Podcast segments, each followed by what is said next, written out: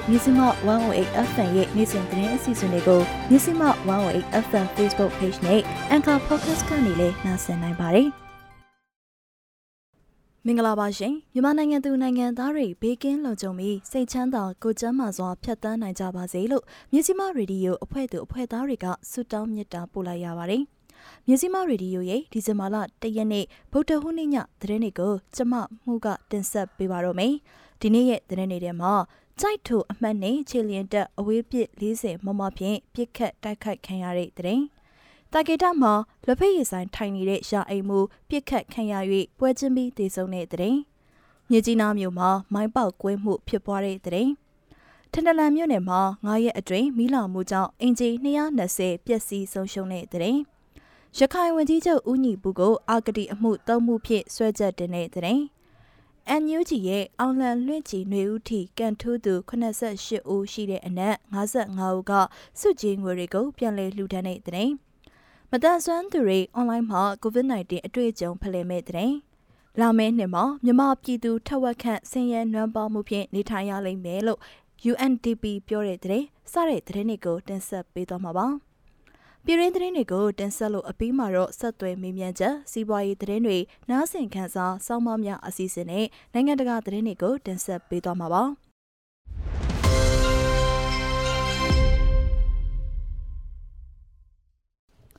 မွန်ပြည်နယ်ကြိုက်တူမြို့ဘိုကားကျေးရွာမှာတက်ဆွဲထားတဲ့အမှတ်နှစ်ခြေလျင်တရင်ကိုဒီဇင်ဘာလ၁ရက်နေ့ဒီကနေ့မနက်၈နာရီကျော်အချိန်က KNLA နဲ့ကြိုက်တူမြို့နယ်တော်လှန်ရေးအင်အားစုတို့ပူးပေါင်းပြီးအဝေးပြစ်40မမဘုံသီးနဲ့ပြစ်ခတ်တိုက်ခိုက်ခဲ့ကြောင်း KRF ကထုတ်ပြန်ထားပါတယ်။စစ်ကောင်စီက၃ယောက်သေးတယ်ခုနှစ်ဦးဒဏ်ရာရတယ်ဒဏ်ရာရတဲ့လူတွေကိုကြိုက်ထိုစေယုံကိုပို့လိုက်တယ်ဒဏ်ရာရတဲ့တွေကတယောက်ထပ်သေးတယ် တခြားဒဏ်ရာရတဲ့လူတွေကိုမလမြိုင်ဘက်ကိုခေါ်သွားတယ်လို့ကြိုက်ထိုတော်လှန်ရေးအင်အားစု KRF အဖွဲ့ကပြောပါတယ်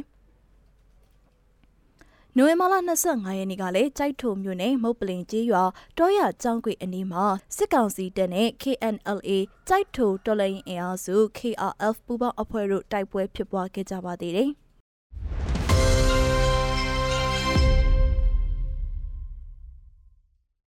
ရန်ကုန်တိုင်းတာကေတာမြို့နယ်အပိုင်း6ရပ်ကွက်73လမ်းထိပ်မှာရှိတဲ့လက်ဖက်ရည်ဆိုင်မှာဒီဇင်ဘာလ1ရက်နေ့ဒီကနေ့မနက်9နာရီကျော်ကယာယီမှုအမျိုးသားတအူတနက်နေ့နှစ်ချက်ပြစ်ခတ်ခံရကပွဲချင်းမိတည်ဆုံသွားကြောင်းဒေသခံတွေထံကနေသိရပါတယ်။ဒီကနေ့တာကေတာမှာပွဲကသွားတယ်။နာမည်ကဦးဝင်းကြိုင်အသက်က50ကျော်ပြီ။သူကတာကေတာအပိုင်း6ရပ်ကွက်ရဲ့ယာယီမှုပါ။ သူကဒလန်လုံးလို့ပျောက်ကြားအဖွဲ့တွေနဲ့လူငယ်တွေအဖမ်းခံထိထားပါတယ်။ဒါကြောင့်ရှင်းလင်းရေးလုပ်ခဲ့တာပါ။မနက်ပိုင်းသူလက်ဖက်ရည်ဆိုင်မှာထိုင်နေရင်ဆိုင်လေးကိုဝင်ပစ်ခဲ့တာပါလို့ပြက်ခတ်ခဲ့တဲ့အဖွဲ့တာဝန်ရှိသူကမျက်စိမှကိုဆက်သွဲပြောပါတယ်။ပြက်ခတ်ခံရသူဦးဝင်းကြိုင်ဟာတနက်နှစ်ချက်ထိမှန်ကအပြစ်ခံရတဲ့နေရာမှာပဲပွဲချင်းမိတည်ဆုံးသွားကြောင်းကိုလည်းသိရပါတယ်။ အဲဒီပြစ်ခတ်မှုပြုလုပ်ခဲ့တဲ့ပြကြအဖွဲ့တာဝန်ရှိသူကပြောချင်တာကတော့ဒလန်တွေတတိထားနေပဲပြောချင်တယ်။အရန်ဆိုးဝါလာတဲ့ဒလန်မှန်သမျှတွားရလန်ကတော့သေလန်းပဲလို့ပြောပါတယ်။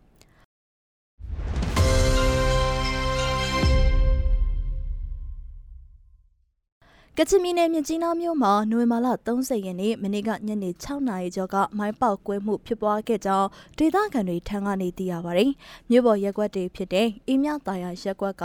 နောင်ပုံတဒနဲ့အောင်နန်းရက်ကွက်ကမိရထားဝင်းတို့မှာတပြိုင်နက်ပောက်ကွဲခဲ့တာပါ။ အေးမြတာယာရက်ကွက်အနီးမှာမြကြီးနားမြို့ရဲ့အထိုင်တက်တစ်ခုဖြစ်တဲ့အမှတ်39ခြေလျင်တက်ရင်နဲ့အမှတ်9ပညာရေးလေ့ကျင့်ရေးတက်တို့တည်ရှိနေပြီးအောင်နန်းရက်ကွက်မှာမြကြီးနားမိရထားဘူတာယုံနဲ့မိရထားရက်တပ်ဖွဲ့တွေတည်ရှိပါတယ်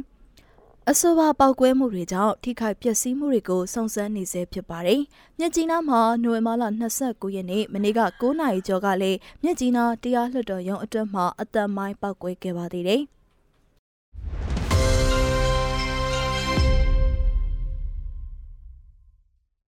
ချင်းပြည်နယ်ထထလန်မြို့နယ်မှာနိုဝင်ဘာလ25ရက်နေ့ည8နာရီကနေ29ရက်နေ့မနက်8နာရီအထိ9ရက်အတွင်းမီးလောင်မှုကြောင့်အိမ်အလုံးပေါင်း220မီးလောင်ပြကျသွားခဲ့ကြောင်း Tandalan Revolutionary Campaign နော် TRC ကနိုဝင်ဘာလ30ရက်နေ့ညပိုင်းမှာထုတ်ပြန်လိုက်ပါတယ်။ Tandalan မြို့ပေါ်ရက်ကွက်တွေဖြစ်တဲ့စုံမွန်ရက်ကွက်မှာအိမ်52လုံး၊လုံတီရက်ကွက်မှာအိမ်35လုံးနဲ့စိုက်ပျိုးရေးရက်ကွက်မှာအိမ်134လုံးမိလောင်ပျက်စီးခဲ့ရမှာအိမ်စုစုပေါင်း220မိလောင်ကျွမ်းခဲ့ပါတယ်။ လက်ရှိထန်တလန်မြို့မှာမီးလောင်ကျွမ်းမှု10ကြိမ်ရှိခဲ့ပြီးစိုက်ပျိုးရေးရက်ကွက်ကစိန့်နီကောလတ်ကက်သလစ်ဖခင်ကျောင်းအပါအဝင်ဖခင်ကျောင်း၄ကျောင်းနဲ့လူနေအိမ်400ကျော်မီးလောင်ဆုံးရှုံးခဲ့ပါတယ်။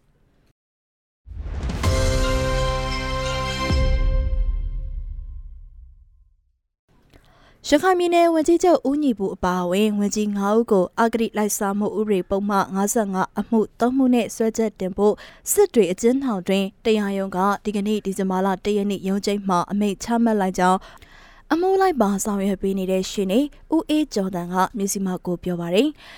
ဂုံးတောင်မြေကိစ္စရဲ့အထက်ချုပ်စစ်ရုံကိုလောက်ခွင့်ပေးတဲ့ကိစ္စအဲ့ဒါတွေနဲ့ပတ်သက်ပြီးဆွဆွဲခံထားရတဲ့ဝင်ကြီးကျုပ်တို့ဝင်ကြီးတွေကဖြည့်ရှင်းဖို့တာဝန်ရှိတယ်ဆိုပြီးဒီနေ့ဆွဲချက်တင်တာပေါ့ရှင်းနေဦးအေးကျော်တန်းကပြောပါတယ်။ ဆီယနာသိမ်းပြီးတဲ့နောက်ရခိုင်ပြည်နယ်ဝန်ကြီးချုပ်ဦးညီပူအပါအဝင်ပြည်နယ်စီမံကိန်းနဲ့စီးပွားရေးဝန်ကြီးဦးကျော်အေးသိန်းပြည်နယ်လျှက်စစ်ဝန်ကြီးဦးအောင်ကျော်စံနဲ့တပ်တော်နဲ့တပ်ထုဝန်ကြီးဦးကျော်လွင်တို့ကိုအဂရိလိုက်စားမှုတိုက်ဖျက်ဥပဒေပုံမှန်55နဲ့စစ်ကောင်စီကဖမ်းဆီးတရားစွဲဆိုထားတာပါ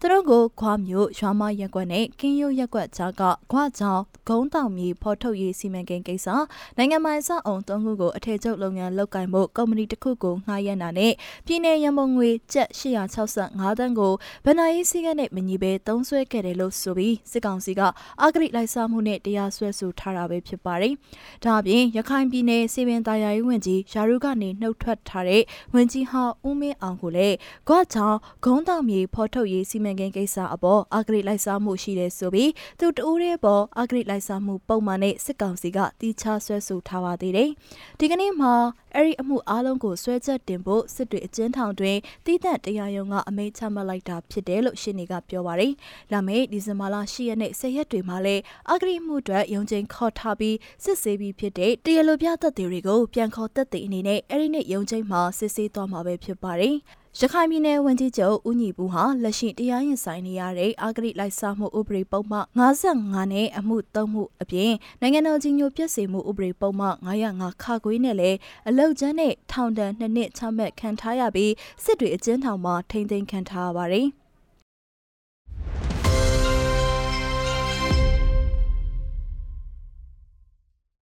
အမျိုးသားညီညွတ်ရေးဆိုရ NUG ရဲ့အောင်လန်လွင့်ချီຫນွေဦးထီကန်ထိုးသူ88ဦးရှိတဲ့အထက်55ဦးကစုချင်းငွေတွေကိုပြန်လည်လှူဒန်းခဲ့ကြောင်းဒီဇင်ဘာလ1ရက်ဒီကနေ့မှာ NUG ကသတင်းထုတ်ပြန်ထားပါတယ်။စုကြီးအနေနဲ့တစုကိုငွေကျပ်15သိန်းအညီအမျှသတ်မှတ်ထားတာကြောင့်55ဦးရဲ့ပြန်လည်လှူဒန်းငွေပမာဏဟာကျပ်ငွေ825သိန်းပဲဖြစ်ပါတယ်။ နိုဝင်ဘာလအတွက်ထိပေါက်စဉ်ကိုအောင်လန်လွင့်ကြည်နွေဦးထိ Page Messenger chatbot မှာထိပေါက်စဉ်ကိုရွေးပြီးထိတိုက်နိုင်ကကန်ထူးသူတွေကိုနွေဦးထိ engine တွေကဆက်သွယ်အကြောင်းကြားပေးသွားမှာဖြစ်တယ်လို့အောင်လန်လွင့်ချီနွေဦးထိ Facebook Page မှာဖော်ပြထားပါတယ်။နွေဦးထီကိုပြန်ထိုးကြတဲ့ CDN ဝန်ထမ်းတွေလည်းရှိတယ်။တချို့ဝန်ထမ်းတွေဆိုရင်နွေဦးထီကရရှိလာတဲ့ချင်းမြင့်ငွေကိုမယူဘဲနဲ့တကယ်လိုအပ်နေတဲ့ CDN ဝန်ထမ်းတွေကိုပြန်လှူပြီးရဲဘော်ရဲဘက်စိတ်နဲ့တော်လန်တိုက်ပွဲဝင်နေကြပါတယ်။ အောင်လန်လွင့်ချီနေဦးထီရဲ့အောင်မြင်အတွက်ပြည်သူများအနေနဲ့တော်လန်ရေးအောင်စိတ်ဖြင့်အားပေးကြဖို့မြစ်တာရက်ခံအပ်ပါတယ်လို့အန်ယူဂျီရဲ့စီမံကိန်းဗန္နာရေးနဲ့ရင်းနှီးမြှုပ်နှံမှုဝန်ကြီးဌာန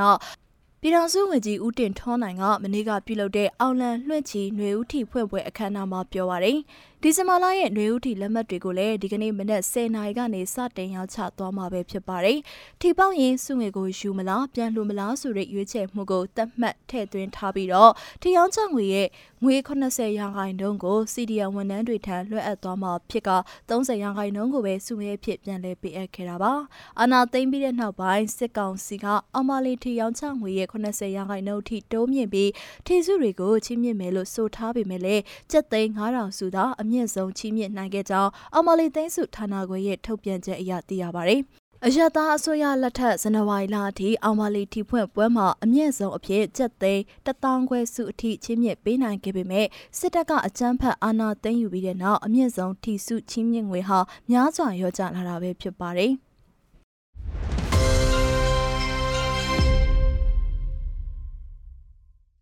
ကချင်ပြည်နယ်မတန်ဆွမ်းသူတွေကဒီဇင်ဘာလ3ရက်နေ့အပြည်ပြည်ဆိုင်ရာမတန်ဆွမ်းသူများနေ့မှာ COVID-19 ကာလအတွင်းဖျက်ကျော်ခဲ့ကြပုံအတွေ့အကြုံတွေကိုအွန်လိုင်းပေါ်ကနေအချင်းချင်းဖလှယ်သွားကြမယ်လို့မြကြီးနားမြို့မျက်မမြင်ကြအုပ်ကပြောပါရယ် COVID-19 ကရောဂါဖြစ်ပွားမှုပြန်လည်များပြားလာတဲ့အတွက်အပြည်ပြည်ဆိုင်ရာမတန်ဆွမ်းသူတွေကိုဗမော်မိုးညစ်နဲ့မြကြီးနားခရိုင်ကမတန်ဆွမ်းသူတွေကအွန်လိုင်းကနေပြုလုပ်သွားမှာလို့ကြောက်အုပ်ကြီးဦးလမော်ကန်ဖန်ကပြောပါရယ် အကယ်၍အလွန်ငရေထောက်ပံ့ပေးမဲ့သူတွေရှိရင်သူတို့ပေးမဲ့လက်စေးရည် max တွေကိုမတန်ဆွမ်းတွေကိုဝေပေးဖို့နဲ့သူတို့ရဲ့ကိုဗစ်ကာလမှာဘယ်လိုဖြတ်ကျော်တယ်လဲဆိုတဲ့ရင်တွင်းဖြစ်စကားလေးတွေရှိမယ်ဆိုရင်လေမတန်ဆွမ်းသူများနေမှာခုံပြူတဲ့အနေနဲ့လှုပ်ဆောင်နေတဲ့အရာနဲ့ခန်းစားနေတဲ့အရာတွေကိုတယောက်နဲ့တယောက်ဖလှယ်ကြဖို့ရှိပါတယ်လို့ဆိုပါတယ်အခုနှစ်မှာကြာရောက်မဲ့အပြည်ပြည်ဆိုင်ရာမတန်ဆွမ်းသူများနေကိုပူတာအိုမျိုး မတန်ဆွမ်းသူတွေကအင်တာနက်ဖုန်းလိုင်းအဆင်မပြေတဲ့အတွက်ပါဝင်နိုင်မှာမဟုတ်ဘူးလို့သိရပါတယ်။ဒီဇင်ဘာလ3ရက်နေ့အပြည်ပြည်ဆိုင်ရာမတန်ဆွမ်းသူများနေ့မှာကိုအင်္ဂါမတန်ဆွမ်းသူတွေအမြင့်အာယုံမတန်ဆွမ်းသူတွေအကြအာယုံမတန်ဆွမ်းသူတွေတခုထပ်ပိုတဲ့မတန်ဆွမ်းသူတွေက COVID-19 ကာလအတွင်းမိမိအတွေ့အကြုံတွေကိုဝင်ငှပေးသွားမှာဖြစ်ပြီးညံရည်မတန်ဆွမ်းသူတွေကတော့ပါဝင်နိုင်မှာမဟုတ်ဘူးလို့ဦးလမော်ဂန်ဖန်ကပြောပါရရှင်။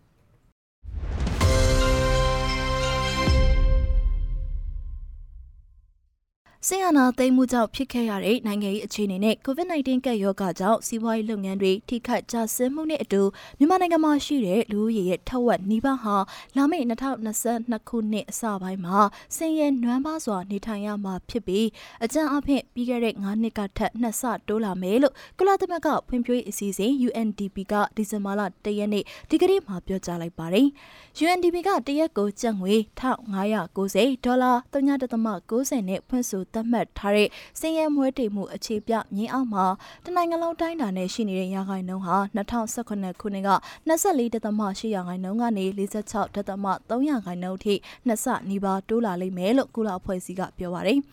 မြို့ပြ area တွေမှာ39.2ရာခိုင်နှုန်းဟာ2022ခုနှစ်စပိုင်းမှာစီးရဲမွဲတွင်မှုအောက်ကျဆင်းသွားမှာဖြစ်ပြီးဒါဟာ2018ခုနှစ်က17.3ရာခိုင်နှုန်းကနေ3ဆကျော်တိုးလာတဲ့ပမာဏပဲဖြစ်ပါတယ်။ ဒီတိုင်းတာပမာဏနဲ့စည်ရန်နွမ်းပါမှုအောက်ကျဆင်းသွားမယ်ဆိုတာကတော့လူလက်ဒန်းစားကွယ်ပြောင်းမှုအဖြစ်ဆိုလိုလို့ရနိုင်ပါတယ်လို့ UNDP ရဲ့အာရှနဲ့ပစိဖိတ်ဆိုင်ရာဒေသဗျူရိုညွှန်ကြားရေးမှူးကန်နီဝက်ရှ်နရာဂျာကနိုဝင်ဘာလ3ရက်နေ့မှာ Nike Asia ကိုပြောပါတယ်။ လူလက်တန်းစားလူရေရဲ့ငွေသုံးစွဲမှုကအလောက်ကိုင်းတစ်တွေလုပ်ငန်းတစ်တွေကိုဖြစ်ပေါ်စေလိမ့်မယ်လို့ Wash Narajat ကပြောပါရယ်မြန်မာနိုင်ငံရဲ့တချိန်ကတိုးတက်စီပင်ခဲ့တဲ့အထက်အလိခရီးသွားကြီးမားတဲ့ဆက်လုပ်ရေးလုပ်ငန်းတွေဟာ COVID-19 ရဲ့နိုင်ငံရေးကတောင်းကနင်းဖြစ်မှုတွေကြောင့်ဆိုးဝါးစွာထိခိုက်ခဲ့ပါတယ်အလောက်ကိုင်းတွေဆုံးရှုံးထားခဲ့ရသူတွေဟာအခုချိန်မှာအိမ်နောက်စုစုဆောင်းငွေတွေအပေါ်အားပြုနေရပြီးသူတို့ရဲ့ဝင်ငွေဆုံးရှုံးမှုဒါမှမဟုတ်ဝင်ငွေရောမှုတို့ကိုဖြည့်ဆွတ်ဖို့စုဆောင်းငွေတွေနဲ့စားတောင်းနေကြရပါတယ်လို့သူမကပြောပါတယ်ပါတယ်။လူလက်တန်းစားပြည်သူတွေဟာအတော့ကိုခနော်နီခနော်နဲ့အနေထားတစ်ခုမှရည်တည်နေပါတယ်လို့လည်းဆိုပါတယ်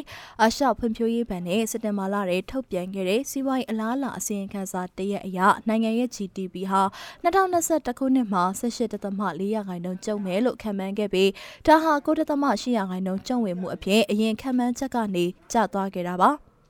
ဖေဖိုင်လာဆီယနာသိမ်းမှု COVID-19 ကပ်ရောဂါဖြစ်ပွားမှုတွေကြောင့်လေယာလုပ်ငန်းနဲ့စိုက်ပျိုးမွေးမြူရေးလုပ်ငန်းမဟုတ်တဲ့လုပ်ငန်းတွေမှာဝင်ငွေပိုင်းခံမှန်းခြင်း90ရာခိုင်နှုန်းလောက်ခလာစာရီနဲ့စိုက်ပျိုးရေးဝင်ငွေပိုင်းမှာ25ရာခိုင်နှုန်းစီငွေပို့ငွေလွှဲမှုတွေနဲ့လူမှုဆိုင်ရာငွေလွှဲပြောင်းမှုအပိုင်းမှာ10ရာခိုင်နှုန်းကျဆင်းမှုတွေရှိခဲ့တယ်လို့ UNDP ကဒီဇင်ဘာလ1ရက်နေ့အစီရင်ခံစာမှာဖော်ပြထားပါတယ်။ရလဒ်တစ်ခုအနေနဲ့မြန်မာနိုင်ငံသားထက်ဝက်လောက်နီးပါးဟာလက်ရှိမှာတကယ့်ကိုခက်ခဲတဲ့ကာလနဲ့ရင်ဆိုင်နေရတယ်လို့ UNDP ကပြောပါတယ်။အဲဒီလိုအခြေအနေတွေကဘယ်ချိန်ထိဆက်ရှိနေမလဲဆိုတာကိုလက်ရှိမှာမခန့်မှန်းနိုင်သေးပါဘူး။အာဏာသိမ်းစစ်တပ်နဲ့အာဏာသိမ်းတာကိုစန့်ကျင်နေတဲ့သူတွေအကြားပဋိပက္ခဟာလက်ရှိမှာအရှိန်ရောကြဖို့ UNDP ကမျှော်လင့်ထားခဲ့ပေမဲ့တင်းမာမှုတွေဟာနိုင်ငံရဲ့မတူညီတဲ့နေရာဒေသတွေမှာဖြစ်ပေါ်နေစေပါ။ဒါကြောင့်အသေးစားစိုက်ပျိုးမွေးမြူရေးသမားတွေအတွက်အခြေအနေကိုတောင့်ခံဖို့အင်မတန်ခက်ခဲနေပြီးအကြောင်းမှာပြည်ရင်းစည်းကွက်နဲ့ထောက်ပံ့ဖြည့်ဆည်းကွင်းဆက်တွေထိခိုက်နေတာကြောင့်ဖြစ်တယ်လို့ Wash Naraja ကပြောပါရရှင်။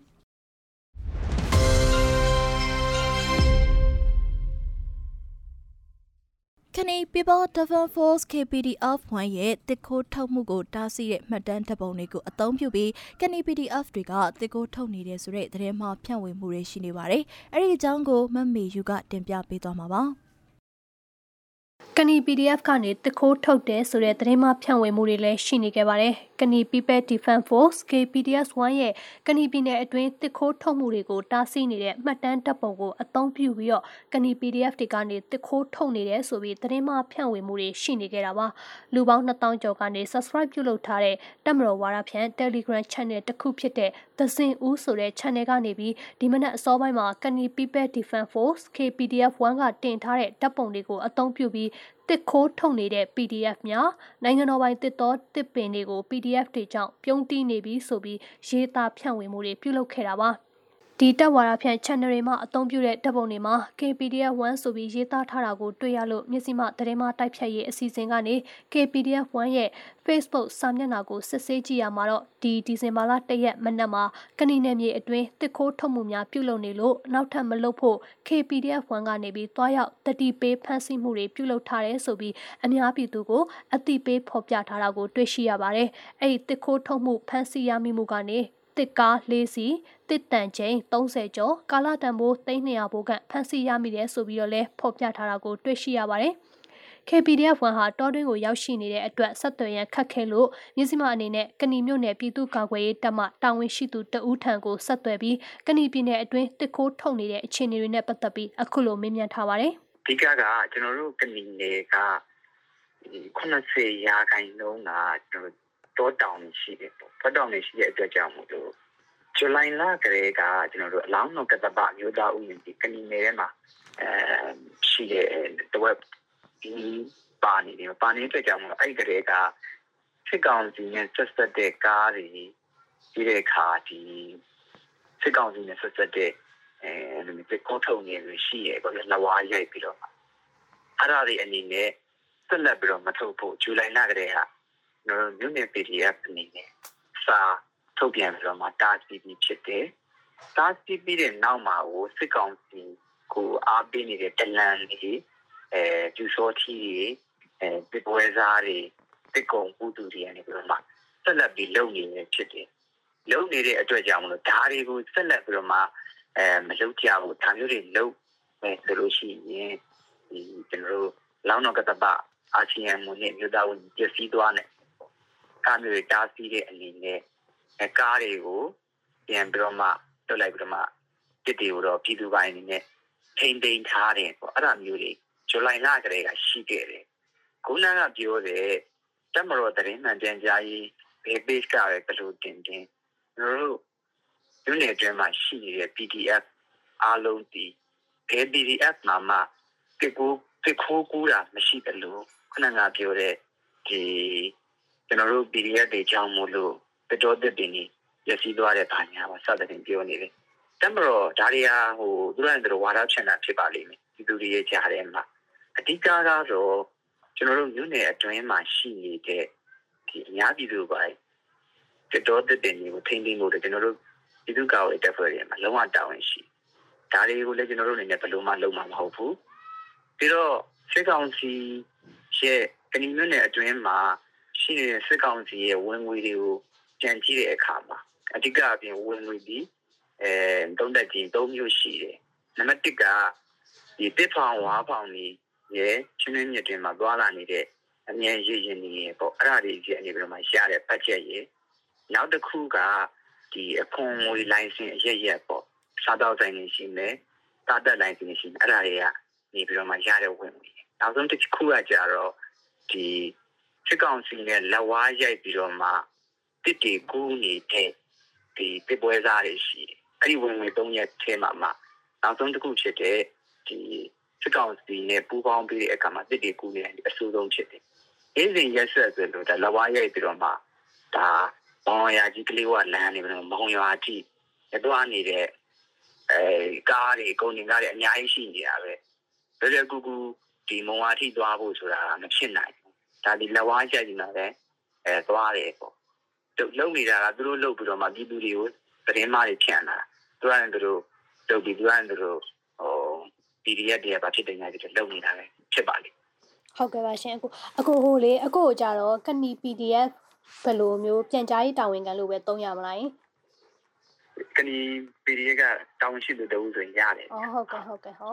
ဟုတ် PDF မှာတာဝန်ရှိသူတူဟုတ်ကဲ့ပါရှင်အခုဒါဆိုကဏီ PDF ကဏီ People Defense Force ကိုညီမမဆက်သွယ်ပဲနဲ့အခုကုတ်လေးနဲ့ပဲအသုံးပြုရင်လည်းရတယ်မလားရှင်ဟိုသူကတော်တယ်ရတယ်ရတယ်အဓိကတော့ကျွန်တော်တို့ဘက်ကဒါဝမ်းလာပဲပညာပညာတရားပဲပညာပညာအဓိကတော့ဟိုကျွန်တော်တို့ဒီဘက်ကပါခေါ်ပါလေကဏီမြို့နယ်ပြည်သူ့ကာကွယ်တပ်ဖွဲ့နဲ့တမျိုးနယ်တွင်းမှာလုံနေရသည်အားလုံးနဲ့သက်ဆိုင်ဟုတ်ကဲ့ပါရှင်အခုဟုတ်ကျေးဇူးတင်ပါတယ်ရှင် ဒါကြောင့်လက်ရှိမှာပြန့်နှံ့နေတဲ့ကဏီ PDF ကနေတခိုးထုတ်နေတယ်ဆိုတာဟာသတင်းမှဖြန့်ဝေမှုတစ်ခုသာဖြစ်ကြောင်းအသိပေးလိုက်ပါတယ်ရှင်။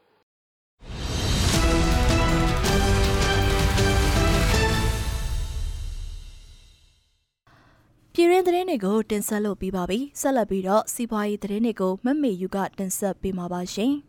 ။ဒီကနေ့အတွက်စီးပွားရေးသတင်းတွေကိုစတင်တင်ဆက်ပေးပါတော့မယ်ရှင်။ မြန်မာစစ်တပ်ကိုလက်နက်ရောင်းချတာအပါအဝင် Future Fund တွေကဒေါ်လာတန်160နီးပါးရှယ်ယာပါဝင်နေတဲ့ဆိုတဲ့သတင်းကိုဦးဆုံးနားဆင်ရမှာပါ။မြန်မာစစ်တပ်ကိုလက်နက်ရောင်းချတာအပါအဝင် အခြားတိုက်ရိုက်ပတ်သက်နေတဲ့ Stock Exchange စည်ရင်းဝင်ကုမ္ပဏီတွေမှာ Australia နိုင်ငံပိုင်ဒနရန်ပုံငွေဖြစ်တဲ့အနာဂတ်ရန်ပုံငွေ Future Fund တွေကဒေါ်လာတန်160နီးပါးရှယ်ယာပါဝင်နေတဲ့ဆိုပြီးတက်ကြွလှုပ်ရှားသူများအဖွဲ့ Justice for Myanmar ကထုတ်ပြန်ထားပါတယ်။ ရှယ်ယာပါဝင်ထားတဲ့ကုမ္ပဏီတွေတဲက6ခုဟာမြန်မာစစ်တပ်နဲ့စစ်လက်နက်ကုန်သွယ်ရေးမှာဆက်နွယ်နေသလိုအခြားကုမ္ပဏီတွေကတော့အင်ချမ်းမြေလုပ်ငန်း၊ခရီးသွားလုပ်ငန်း၊တည်ယူပို့ဆောင်ရေးနဲ့အဖျော်ရမကလုပ်ငန်းတွေမှာပါဝင်ပတ်သက်နေတယ်လို့ဆိုပါတယ်။အခုလိုပတ်သက်နေလို့ပြည်တွင်းမှာစစ်တပ်အာဏာသိမ်းမှုပြုလုပ်ထားတဲ့စစ်တပ်အတွက်ငွေကြေးထောက်ပံ့ရာထောက်ပံ့ကြောင်းဖြစ်တဲ့အခွန်ဝင်ငွေနဲ့လက်နက်ပစ္စည်းတွေ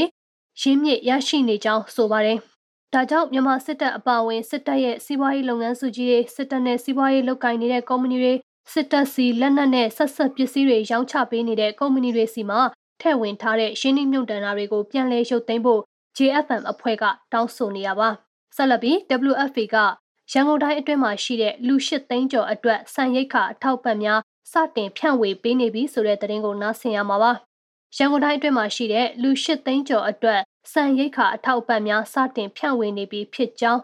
WFP ကထုတ်ပြန်လိုက်ပါတယ်။ရန်ကုန်တိုင်းဒေသကြီးအတွင်းမှာရှိတဲ့ရွှေပြည်သာမြောက်ကလာပါနဲ့တကုံစိတ်ကမ်းမြို့နယ်တွေမှာနေထိုင်တဲ့သူတွေကိုပေးဝေခဲ့ကြောင်းအဲဒီထုတ်ပြန်ချက်မှာဖော်ပြထားပါတယ်။လူသားချင်းထောက်ထားမှုဆိုင်ရာစားနပ်ရိက္ခာအထောက်ပံ့များကိုလူဦးရေစုစုပေါင်း8,9500အတွက်စံရိက္ခာအထောက်ပံ့များစတင်ဖြန့်ဝေပေးနေတယ်လို့သိရပြီး WFP ဝန်ထမ်းများအဖွဲ့က စေတနာဝန်ထမ်းများမြန်မာနိုင်ငံကြက်ချင်ဒီအသင်းနဲ့ပူးပေါင်းပြီးမြေပြင်မှာလုပ်ကင်ဆောင်ရွက်လျက်ရှိရလို့သိရပြီးသတ်မှတ်ဒေတာတွေမှာရှိတဲ့ထိခိုက်လွယ်သူများလက်ဝဲကိုစံရိတ်ခါများဓာတ်ရိုက်သေချာစွာရောက်ရှိအောင်ဆောင်ရွက်ပေးနေတယ်လို့ဆိုပါတယ်။2021ခုနှစ်မေလကစတင်လို့ WFP ဟာရန်ကုန်တိုင်းဒေသကြီးအတွင်းမှာရှိတဲ့တကုံစိတ်ကမ်းမြို့နယ်၊ဒလမြို့နယ်၊လိုင်တာယာမြို့နယ်၊မြောက်ကလာပါမြို့နယ်နဲ့ရွှေပြည်သာမြို့နယ်တို့အပြင်မန္တလေးတိုင်းဒေသကြီးအတွင်းမှာရှိတဲ့မဟာအောင်မြေမြို့နယ်နဲ့ အောင်မြေတာဆန်မြို့နယ်များမှာရှိတဲ့ထိခိုက်လွယ်သူလူဦးရေပေါင်းတသန်းကျော်စီကိုအခုအငြင်းများထောက်ပံ့ပေးခဲ့တယ်လို့ဆိုပါတယ်။ WFP ဟာကချင်၊ချင်း၊ရခိုင်နဲ့ရှမ်းပြည်နယ်တို့မှာရှိတဲ့ပရိပခတန်ခံရသူလူဦးရေ3,600တို့ကိုလစဉ်စားနပ်ရိက္ခာဒါမှမဟုတ်ငွေသားအထောက်ပံ့များဆက်လက်ပေးဆောင်နေကြောင်းထုတ်ပြန်ချက်မှာဖော်ပြထားပါတယ်။ဆက်လက်ပြီးတော့နိုင်ငံတကာခရီးသွားလုပ်ငန်းတွေကို2022ခုနှစ်အစောပိုင်းမှာပြန်စဖို့စစ်ကောင်စီကစီစဉ်နေတဲ့သတင်းကိုနားဆင်ရမှာပါ။ နိုင်ငံတကာခရီးသွားလုပ်ငန်းတွေကို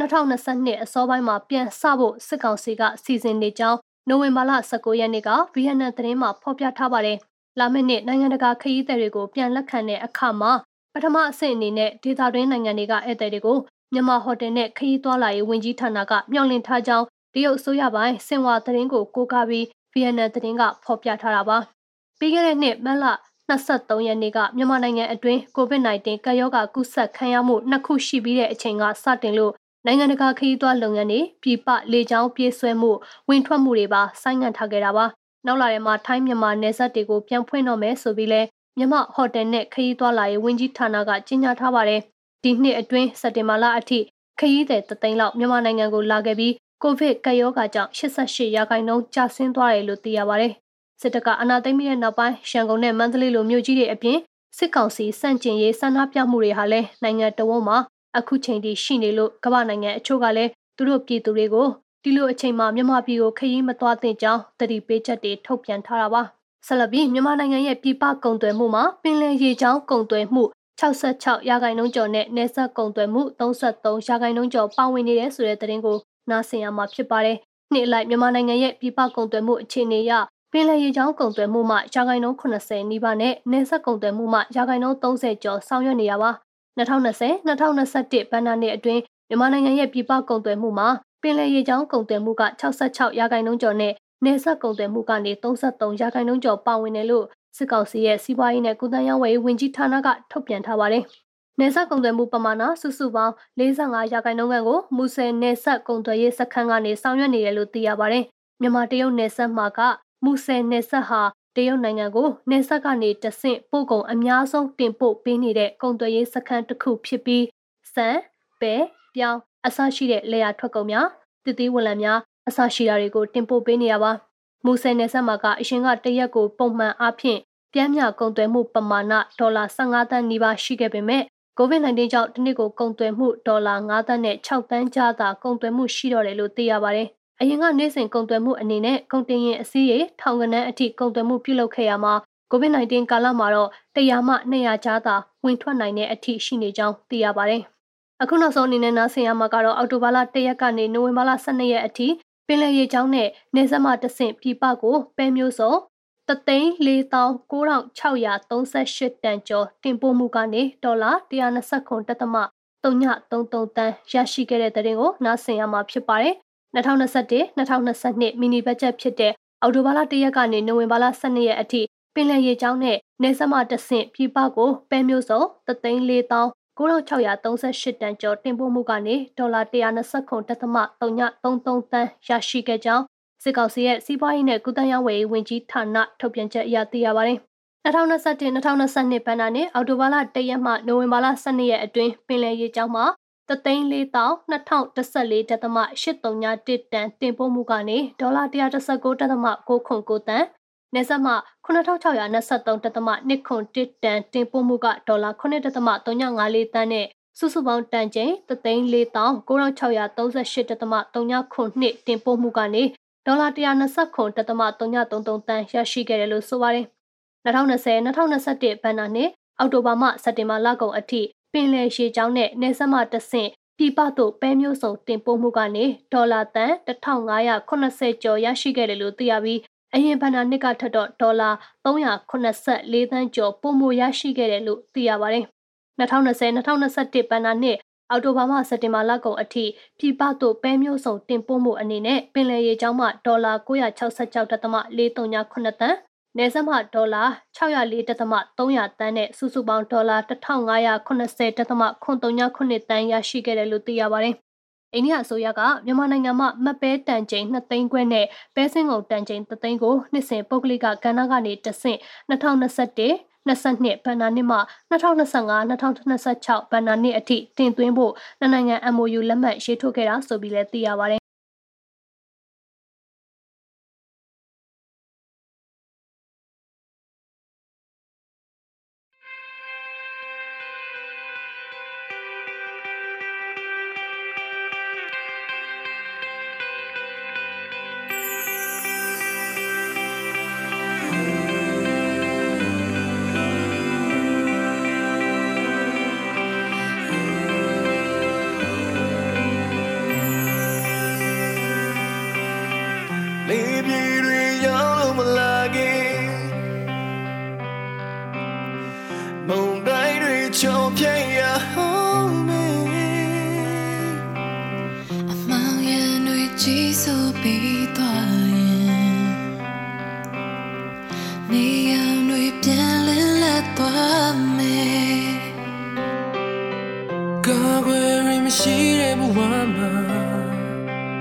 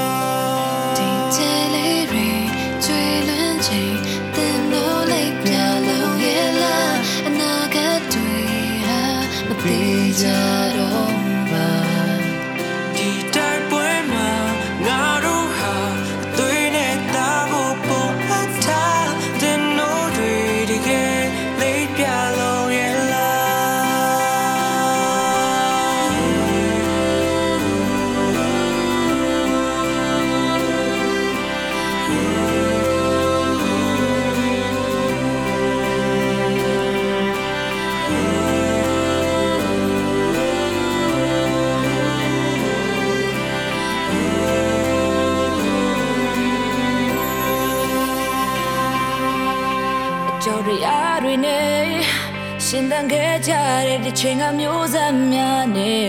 ငါတို့ရဲ့တိုက်ပွဲညလဲနေတဲ့ရွှေရောင်နေရမြစီလမ်းလို့သွားဖို့ရီဦးငယ်ရဲ့အောင်ပွဲတချို့တွေအိမ်မပြန်လိုက်တော့တဲ့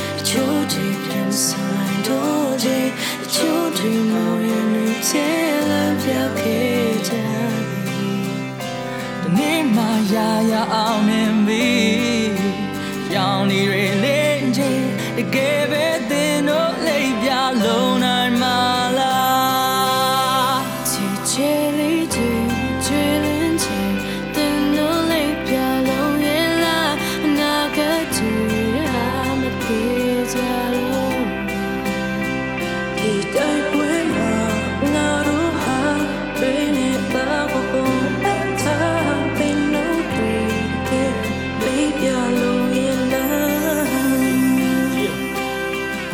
ထောက်လက်မမြောက် chase တေးခဲ့တဲ့လူတွေများကြီးနာကက်ကိုမေ့ပြီးလက်ရှိငင်းချမ်းဖို့တကပူနေကြပြီသူတို့ရဲ့တကူစားကြောက်တရားတွေကိုဖျောက်ပစ်တော်နေနဲ့ချီစံကြားကလူငယ်တွေကိုအရေးထဲကနေစောက်ပစ်ပြောနေစေချိုမိသားစုတွေလူမစုံတော့ဘူးအိမ်မက်တွေတောင်ကျိုးနေခဲ့ရှေ့တန်းကဒိုင်းလိုကထားတဲ့သူ့မှာလည်းနှောင်ကျိုးတွေနဲ့ငါတို့တွေပန်းတဲ့ခုရဲမှုဦးတီချက်တွေးဖဲ့မသွားပန်းလေးတွေမွေတော့ပဲဒီຫນွေဦးကတော့ကြဲချေဗျာတိုင်းပြည်ရဲ့နေရာနဲ့ဖြစ် ပျက်နေတဲ့ကြောင်ရှိကဆက်ရှစ်ဆက်မဲ့နာဂတ်တွေစစ်ဖက်နှက်တွေရဲ့အောက်သွေးပါပြတ်မတရားမှုတွေကိုတော်လန်ဖို့အသက်တွေနဲ့လောင်းကြေးပါထက်လို့ဒီမိုကရေစီရဖို့ငါတို့တနက်တွေရဲ့ပြောင်းရှေ့မှာရက်လူသားချင်းစာနာမှုတွေဘယ်မှာလဲဖြစ်မင်းတို့ရဲ့လူဆန်တဲ့လုပ်ရက်တွေကိုဆဲကပါလဲမချေစစ်မှန်တဲ့ဒီမိုကရေစီနဲ့မပါတဲ့ရှေးကိုရဖို့ကဲရမယ်လူတွေမှာကျဲဟာမြဲချွေ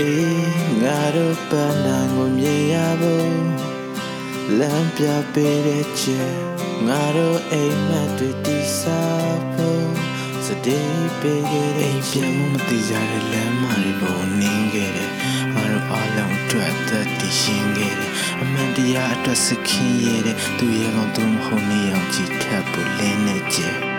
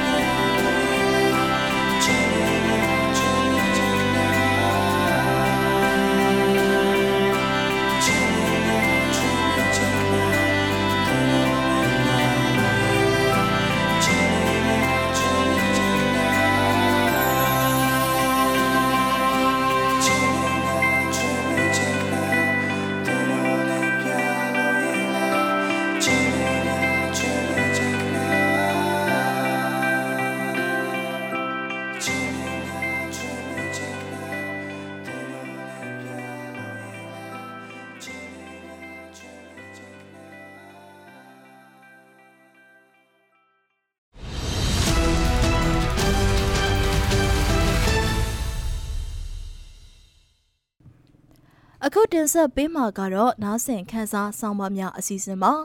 PDF တွေအစုအပြုံလိုက်ဖန်ဆီးခံရမှုကိုစမ်းစစ်ကြည့်ခြင်းဆိုတဲ့ဆောင်းပါးကိုတင်ဆက်ပေးထားပါတယ် PDF တွေအစုအပြုံလိုက်ဖမ်းဆီးခံရမှုကိုစမ်းစစ်ကြည့်ခြင်း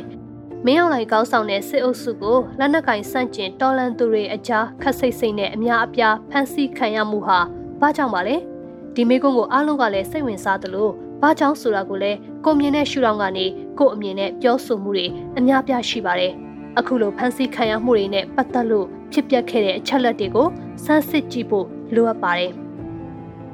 ပထမဆုံးအစုအပြုံလိုက်ဖမ်းဆီးခံရမှုစစ်အုပ်စုကိုလက်နက်ကင်ဆန့်ကျင်ခုခံနေသူတွေကြားပထမဆုံးအစုအပြုံလိုက်ဖမ်းဆီးခံရမှုဟာစကိုင်းတိုင်းမင်းကင်းမြို့နယ်မှာဖြစ်ပွားခဲ့တာပါ။ ဇွန်လ28ရက်ကမင်းကင်းမြို့နယ်တောင်ဖြူရွာကိုဒေသခံပြည်သူ့ကာကွယ်ရေးတပ်ဖွဲ့ local PDF တွေကမနက်အစောပိုင်း3နာရီခန့်မှာဝင်ရောက်တိုက်ခိုက်ခဲ့ပါတယ်။အဲ့လိုတွားရောက်တိုက်ခိုက်ခြင်းဟာစစ်အုပ်စုကြောထောက်နောက်ခံပေးထားတဲ့ရွာကန်ပြူစောတိတွေကြောင့်ပါ။ဒီလိုတိုက်ခိုက်စဉ်မနက်9နာရီလောက်မှာရွာကန်ပြူစောတိတွေကတိုက်ပွဲမဖြစ်အောင်ညှိနှိုင်းပေးရစေဆိုပြီးရွာရင်းဝင်ရောက်ဖို့ LPDF တွေကိုဖိတ်ခေါ်သလိုလက်နက်တွေလည်းထားခဲ့ဖို့ဆိုပြီးတောင်းဆိုခဲ့တာပါ အဲ့ဒီဖိတ်ခေါ်ချက်အရ LPDF 58ဦးဟာလက်နက်မပါဘဲရွာထဲဝင်ရောက်သွားတဲ့အချိန်စစ်တပ်နဲ့ရွာကန်ပြူစောထီတွေဝိုင်းဝန်းဖမ်းဆီးတာကိုခံခဲ့ရပြီးအတိမပြုတ်နိုင်တဲ့သတင်းအရ၄ယောက်အသက်ခံရတယ်ဆိုပြီးသိရပါတယ်အဲ့လိုအုံနဲ့ချင်းနဲ့ဖမ်းဆီးခံရကြောင်းသိရခြင်းဟာရွာကန်ပြူစောထီတွေရဲ့ဖိတ်ခေါ်တာကိုမယုံကြည်လို့လိုက်မသွားပဲကြံခဲ့တဲ့ LPDF 12ဦးကြောင့်ပဲအတိအကျပြန်သိခဲ့ရတာပါ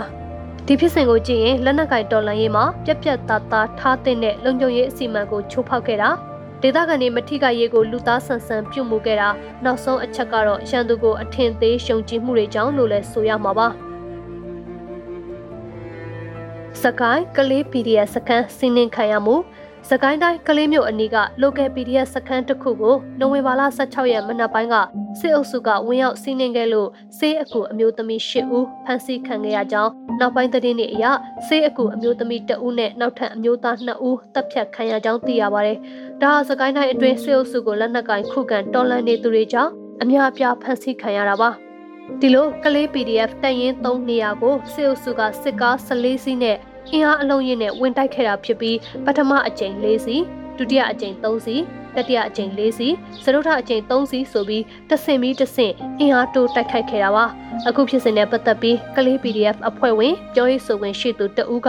စေအုပ်စုဟာစခန်းရဲ့တင်နေရာကိုသိနေသလိုစခန်းဟာတောင်ကျင်းမှာရှိတဲ့အတွက်တိုက်ခိုက်ခံခဲ့ရတာဆိုပြီးမီဒီယာတွေကိုဖြေကြားထားပါတယ် ဒီဖြစ်စဉ်မှာစေအုပ်စုလောက်ခံတပ်တွေဟာမြေပြင်သတင်းအချက်လက်ရရှိမှုကိုအခြေခံပြီးစနစ်တကျအင်အားအဆင့်လိုက်သုံးပြီးတော့တိုက်ခိုက်ခဲ့တာတွေ့ရပြီးသူတို့ကျွမ်းကျင်တဲ့တိုက်ခိုက်ရေးဘာသာရပ်ကိုကောင်းကောင်းအသုံးချသွားတာပါနောက်တစ်ချက်ကတော့ LPDF တွေဟာထိုက်တဲ့တိုက်ခိုက်ရေးပညာရပ်တွေကိုသင်ကြားမှုရကောင်းရထားနိုင်ပေမဲ့စေရေးနီးပြူဟာမဟာဗျူဟာပိုင်းမှာတော့အားနည်းချက်ရှိတယ်ဆိုတာညင်သာသွားစေပါတယ်ကကကြီးလို့ခေါ်တဲ့တက်မတော်ကာကွယ်ရေးဦးစီးချုပ်ယုံကြီးကလှုပ်ဝက်လို့ထုတ်ထားတဲ့ ဦးရှေထောက်ဆိုင်ရာအရာရှိများလက်ဆွဲစာအုပ်မှာနေမြေလုံခြုံရေးကောင်းစဉ်နဲ့တရင်တပ်ဖွဲ့တွေလိုက်နာရမယ့်တိုက်ခိုက်ရေးစီမင်းစည်းကမ်းတွေကိုဒီလိုရေးသားထားပါတယ်။ဒီနယ်မြေမှာမြေအတင်ထားတဲ့ပတ်သက်လို့အချက်ချမြေစစ်ပြူဟာအရာအရေးကြီးနယ်မြေခွဲခြားသတ်မှတ်မှုတပ်တွေကိုအသုံးပြုရမှာလှုပ်ရှားတက်နယ်မြေထိမ့်တက်အရန်တက်သို့မဟုတ်ချင်းမုံရဲတက်တွေကိုအဆင့်ဆင့်ထားပြီးတိုက်ခိုက်ဖို့လမ်းညွှန်ထားတာပါ။ဒီလမ်းညွှန်ချက်တွေအရစစ်အုပ်စုလက်အောက်ခံတပ်တွေဟာကလေး PDF တရင်3ရဲ့ အင်အားစုဖွဲ့မှုအားနည်းချက်နေရာကိုကြိုတင်သတင်းရယူပြီးအားအနည်းဆုံးနေရာကိုဖိတိုက်အင်အားကိုတဆင်ချင်းတိုးမြင့်တိုက်ခိုက်တဲ့တိုက်ခိုက်ရေးဗျူဟာတွေသုံးခဲ့တာကြောင့်စခန်းသိမ်းနိုင်တဲ့အပြင်စေးတပ်သားအမြောက်အများကိုဖမ်းဆီးနိုင်ခဲ့တာဖြစ်ပါတယ်။တက်ကသုံးတဲ့စစ်ရေးလုံခြုံမှုသတင်းရင်းမြေစေအုပ်စုဟာစစ်ရေးနဲ့ပတ်သက်တဲ့သတင်းလုံခြုံရေးကိုအထူးအလေးထားတဲ့သူတွေပါတီတူရန်သူဘက်ကသတင်းရရှိနိုင်ရေးအတွက်လည်းအထူးအားထုတ်လေးရှိပါတယ်။ရန်သူသတင်းပေါက်ကြားနိုင်တဲ့ရှင်းမြစ်တွေအဖြစ် လေချောင်းနဲ့မြေပြင်ကကင်းထောက်တာတုံမန်းနေစီကရယူတာအချက်ပြဆက်သွဲရေးစာရွက်စာတမ်းအမှတ်မထင်ပြောဆိုမှုစာအဆက်သွဲရန်သူတရင်ပေးအယက်သားအဆရှိရာတွေစီကနေရယူပါတယ်ဒီနည်းတူတပ်တွင်းသတင်းလုံခြုံရေးနဲ့ပတ်သက်လို့လဲအထူးလှုပ်ဝက်ထားလေးရှိရဖြစ်ပြီးဓာတ်ရိုက်နှုတ်မိတ်ပေးစနစ်နဲ့လဲစစ်စင်ရေးပြုလုပ်တတ်တာပါဒီကနေ့ဒေါ်လာရေးအင်အားစုတွေဖြစ်တဲ့ပြည်သူ့ကာကွယ်ရေးနဲ့ပျောက်ကြားတပ်ဖွဲ့ဝင်တွေအစုအပြုံလိုက်ဖမ်းဆီးခံရမှုဟာ ဒီသတင်းပေါက်ကြားနိုင်မှုရှင်းမြစ်တွေကြောင်းလို့လည်းဆိုနိုင်ပါတယ်။အချိုးမညီမျှသောစစ်ပွဲနဲ့ဤပညာတိုးတက်မှုမင်းအောင်လှိုင်ခေါင်းဆောင်တဲ့အာဏာသိမ်းစစ်အုပ်စုဟာနိုင်ငံပိုင်ရန်ရာတွေကိုထိန်းချုပ်ခွင့်ရထားလို့ဆက်သွယ်ရေးကွန်ရက်နဲ့ပတ်သက်ပြီးဒေါ်လာရေးအင်အားစုတွေထက်တပန်းတာနေပါတယ်။ခေတ်ဆက်ဆက်မွေးထားတဲ့ရုရှားပြန်စစ်ဗိုလ်တွေကခင်မီနီပညာကိုသုံးပြီးတစ်ဖက်ကနေလည်းစစ်ရေးသတင်းတွေကိုရှားယူနေတာတွေရှိပါတယ်။ တနအင်အားတာလုံးမှုကိုအသုံးချပြီး application ပေါင်းစုံနဲ့ hacking လုပ်သတင်းရယူတာတွေ hacker တွေမွေးထုတ်ပြီးတော့သတင်းခိုးဝှက်တာတွေကိုလည်းအရင်တွေကလှုပ်ထားနိုင်ခဲ့တာပါဒီလိုရှင်းလင်းမြုံနှံထားမှုဟာဒီကနေ့ຫນွေဦးတော်လိုင်းရေးကာလမှာတော်လိုင်းအင်အားစုတွေဘက်ကစစ်ရေးသတင်းဆက်သွယ်မှုတွေကိုရယူတဲ့နေရာမှာတပန်းတာစေခဲ့ပါတယ်။နေပညာတိုးတက်မှုဟာစစ်အုပ်စုအတွက်အားသာချက်ဖြစ်စေတာမဟုတ်ပဲတော်လိုင်းအင်အားစုတွေအတွက်လည်းအားသာစေတဲ့အချက်တွေကိုဖန်တီးပေးပါတယ်။ကိုရက်ချိတ်ဆက်မှုတော်လိုင်းရေးဝါဒဖြန့်မှုတွေအပြင် YouTube ကဲ့သို့သော internet website တွေပေါ်ကအချက်လက်တွေကိုရယူပြီးရရပစ္စည်းနဲ့တိုက်ခိုက်ရေးလက်နက်တွေ mobile phone သုံးပြီးတော့ဖောက်ခွဲရေးပစ္စည်းတွေလည်းလုပ်နိုင်တာတွေရှိလာပါတယ်။နည်းပညာအလုံးပူတာတိုက်ခိုက်ခံရမှုနဲ့ဖြိုးစေရတော့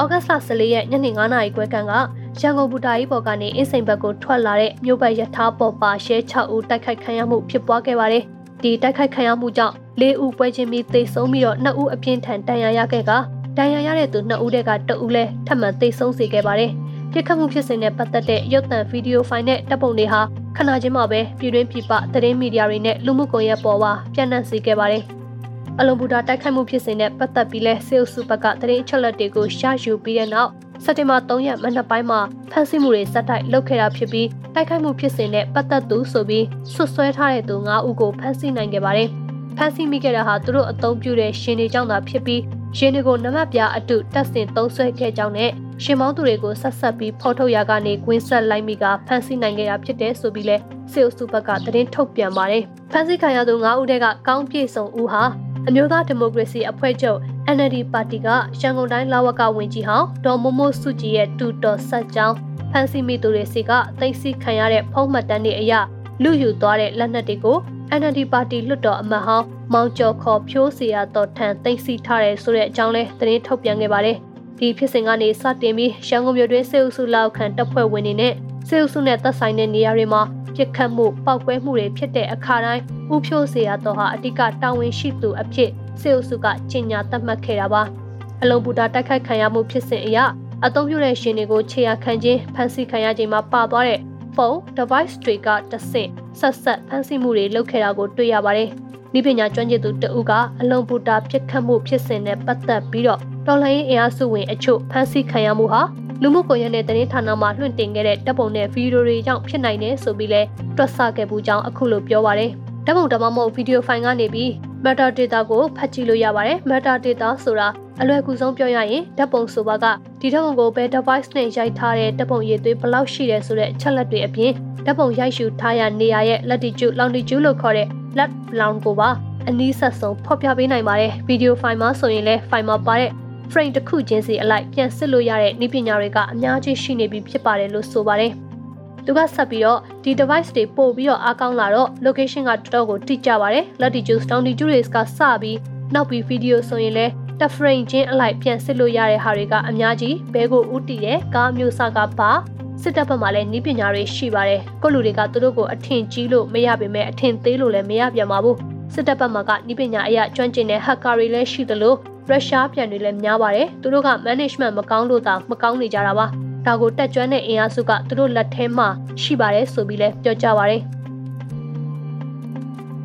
အီတိုဖန်စီခံရမှုနဲ့ signal တောင်ကလဘမြို့နယ်9ရက်ကွက်မှာစက်တင်ဘာ9ရက်ကကြော်ခိုလင်းခေါ် AG ကိုလက်လုံပုံနဲ့အတူစေအုပ်စုကဖမ်းဆီးရမိပြီးတဲ့နောက်ပိုင်းစုစုပေါင်း6ဦးဖမ်းဆီးခံခဲ့ရပါတယ်။အဲဒီဖမ်းဆီးခံရတဲ့သူတွေထဲမှာအဆိုတော်အီတိုခေါ်ဝင်းထွတ်တော်တာလည်းပါဝင်ပါတယ်။အီတိုဟာလူငယ်လေးဦးကိုဖောက်ခွဲရေးတင်တန်းတက်ဖို့ကားနဲ့ပို့ခဲ့တယ်လို့ ဥဖြိုးစရာတော်နဲ့ဆက်သွယ်ရေး application တစ်ခုဖြစ်တဲ့ Signal ကနေတဆင့်အမျိုးသားညီညွတ်ရေးအစိုးရစီအကြံပြုစာတွေပေးပို့ခဲ့တယ်လို့စေအုပ်စုကထုတ်ပြန်ပါတယ်။ဒါ့အပြင်ဖမ်းဆီးခံရသူတွေတဲကတဦးဟာ online ပေါ်ကတဆင့် NUG ကပေးတဲ့ဖောက်ခွဲရေးနဲ့မြို့ပြပျောက်ကြားတင်နန်းတွေတက်ခဲ့ကြောင်းလဲစေအုပ်စုကထုတ်ပြန်ခဲ့တာပါ။ရန်ကုန်အစုပြုံလိုက်ဖမ်းဆီးခံရမှု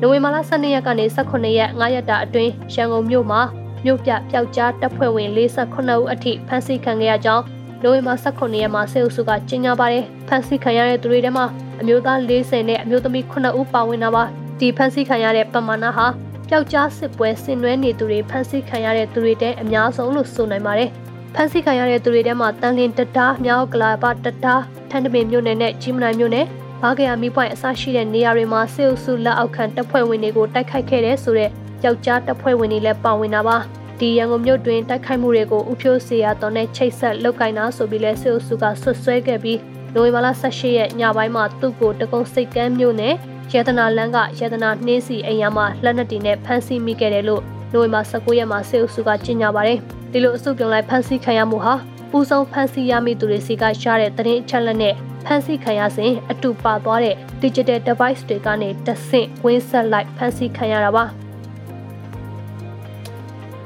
သတင်းတွေကကိုစီကထွက်တာမြို့ပြပျောက်ကြားနဲ့ပြည်သူ့ကာကွယ်ရေးတပ်ဖွဲ့ဝင်တွေအစုအပြုံလိုက်ဖမ်းဆီးခံရမှုကိုကြည့်ရင်စကိုင်းဒေသဖြစ်စဉ်တွေမှာလက်နက်ကင်တော်လှန်ရေးစီးတွေကိုချိုးဖောက်ပြီးကိုကိုကိုယုံကြည်မှုလွန်ခဲ့တာစခန်းအခြေဆိုင်နေရာသတင်းပေါက်ကြားတာတွေကြောင့်ဖြစ်ပါတယ်။ရန်ကုန်ဖြစ်စဉ်မှာတော့အများစုဟာစစ်တပ်ဘက်ကခင်မီနည်းပညာသုံးစွဲနိုင်တာဖန်ဆီးမိသူတွေကမိသွားတဲ့ digital device တွေကနေတဆင့်သတင်းအချက်အလက်ပေါက်ကြားတာတွေကြောင့်ပါ ရန်ကုန်ဖြစ်စဉ်တွေကထူးခြားဖြစ်စဉ်တွေကိုကြည့်ရင်အကြောင်းအမျိုးမျိုးကြောင့်ဟိုတယ်လိုနေရာမျိုးတွေမှာပုံခုံရင်းဖမ်းမိတဲ့ဖြစ်စဉ်တွေလည်းရှိပါတယ်။လက်နက်ကိုင်မြို့ပြပျောက်ကြားစစ်ဆင်နွှဲနေရင်ကိုယ်တရင်အချက်လက်ပေါက်ကြားနိုင်တဲ့ဟိုတယ်လိုနေရာမျိုးမှာတက်ခိုခြင်းဟာစေအုပ်စုကိုတရင်ပေးတယ်လို့ဖြစ်သွားတယ်ဆိုတာကိုလည်းဒီအဖြစ်အပျက်တွေကသက်သေပြနေပါတယ်။အချုပ်ပြောရရင်တော့ပြည်သူ့ကာကွယ်ရေးတပ်ဖွဲ့ဝင်တွေမြို့ပြပျောက်ကြားတပ်ဖွဲ့ဝင်တွေဖမ်းဆီးခံရမှုမှာတော်လိုင်းလက်နက်ကိုင်တွေကျင့်သုံးရမယ့်လုံခြုံရေးစည်းတွေကို ချိုးဖောက်ခဲ့တာကြောင့်ပဲဖြစ်ပါတယ်။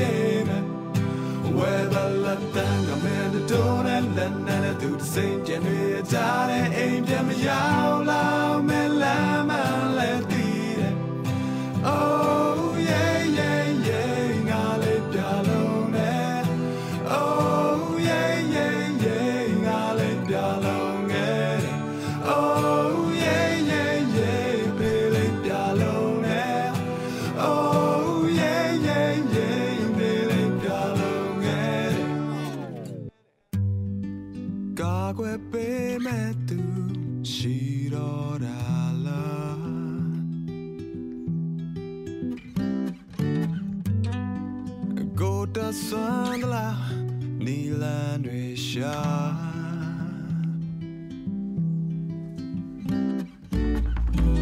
ကျွန်တော်တို့ခါမှကြံပါပူပါကိုရင်နိုင်တဲ့သက်လေးခင်ကချာပုံပြလေးဆုံးမှာတတိယပေးပါကွာတစ်ချိန်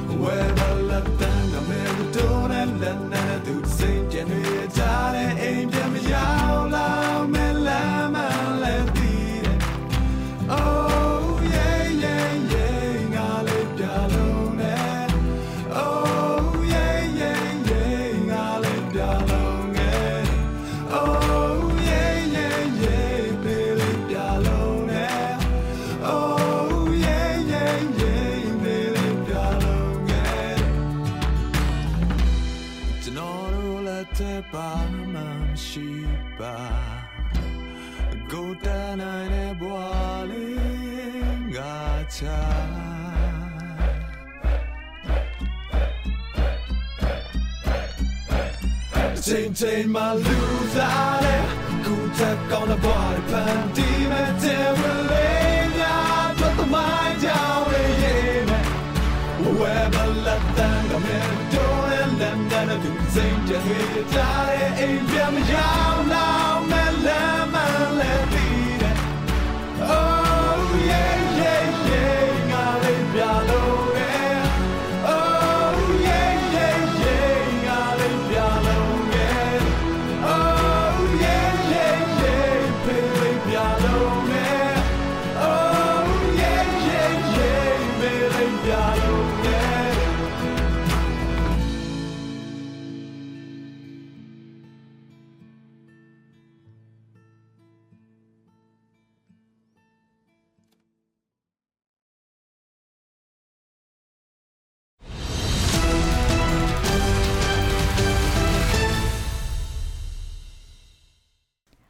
နားဆင်ခံစားဆောင်းပါးများအစီအစဉ်ကိုတင်ဆက်လုပ်ပေးပါပြီဆက်လက်ပြီးနိုင်ငံတကာသတင်းတွေကိုဆက်လက်ပြီးနိုင်ငံတကာသတင်းတွေကိုကိုຫນွေဦးမောင်ကဆက်လက်တင်ဆက်ပေးသွားမှာပါစပိန်အဝတ်စားကုမ္ပဏီကြီးတစ်ခုဖြစ်တဲ့ Zara ကုမ္ပဏီတည်ထောင်သူရဲ့သမီးဖြစ်သူ မာတာအော်တေဂါဟာအဖွဲ့ရဲ့ဥက္ကဋ္ဌအဖြစ်တာဝန်ယူသွားမည်ဖြစ်ကြောင်း Zara ရဲ့မိခင်ကုမ္ပဏီကနိုဝင်ဘာလ30ရက်အင်္ဂါနေ့ကပြောကြားလိုက်ပါတယ်။သူမဟာ2011ခုနှစ်ကတည်းကဥက္ကဋ္ဌတာဝန်ကိုယူခဲ့တဲ့ပါဘလိုအစ္စလာရဲ့နေရာကိုဆက်ခံသွားမှာဖြစ်ကြောင်းကုမ္ပဏီရဲ့ထုတ်ပြန်ချက်မှာဖော်ပြထားပါတယ်။ပါဘလိုအစ္စလာဟာ2005ခုနှစ်ကနေ2011ခုနှစ်ထိအောင် ကုမ္ပဏီရဲ့ဒုဥက္ကဋ္ဌတာဝန်ကိုယူခဲ့သူလည်းဖြစ်ပါတယ်။မာတာအိုတေဂါဟာလွန်ခဲ့တဲ့15နှစ်ခန့်ကတည်းကအဖွဲ့ရဲ့နယ်ပယ်အသီးသီးမှာအလုပ်လုပ်ခဲ့ပြီးအထူးသဖြင့် Zara ရဲ့အမှတ်တံဆိပ် logo design နဲ့ fashion ထုတ်ကုန်ဆိုင်ရာအဆိုပြုချက်တွေနဲ့ကုမ္ပဏီကိုအားကောင်းလာစေဖို့အတွက်ဦးဆောင်နိုင်ခဲ့တယ်လို့ထုတ်ပြန်ချက်မှာဖော်ပြထားပါတယ်။1985ခုနှစ်ကတည်းကစပိန်နိုင်ငံအနောက်မြောက်ပိုင်းဂလီစီယာမှာဇနီးအောင်ဖြစ်သူရိုဆယ်လီယာနဲ့အတူအသင့်ဝတ် fashion ကုမ္ပဏီကြီး Zara ကိုတည်ထောင်ခဲ့တဲ့ Amancio Ortega ဟာကမ္ဘာအချမ်းသာဆုံးပုဂ္ဂိုလ်တွေထဲကတဦးဖြစ်ပါတယ်။ Zara ရဲ့မိခင်ကုမ္ပဏီ Inditex ဟာ၎င်းရဲ့2021ခုနှစ်ပထမနှစ်ဝက်ကာလဖြစ်တဲ့ဖေဖော်ဝါရီလကနေဇူလိုင်လကြားမှာအသရင်အမျက်ငွေယူရို1.3ဘီလီယံရရှိခဲ့တယ်လို့ဆိုပါတယ်။ကျမကဒီကုမ္ပဏီမှာငယ်ငယ်လေးကတည်းကနေလာခဲ့တာ15နှစ်ကျော်လောက်အလုပ်လုပ်ခဲ့တဲ့ကာလအတွင်းမှာလည်းလို့ဖို့ကင်ဘက်ကျွမ်းကျင်ပညာရှင်တွေအားလုံးစီကနေ သင်ယူခဲ့ပါတယ်လို့မာဒါအော်တေဂါကထုတ်ပြန်ချက်မှာပြောကြားထားပါတယ်။ကျမဘဝကိုမိဘတွေရဲ့လက်ငုပ်လက်ရင်းကိုစက္ကန့်ပြီးအနာဂတ်အတွက်အတိတ်ကနေသင်ယူသွားမယ်လို့ကျမအမြဲပြောခဲ့ပါတယ်လို့သူမကဆိုပါတယ်။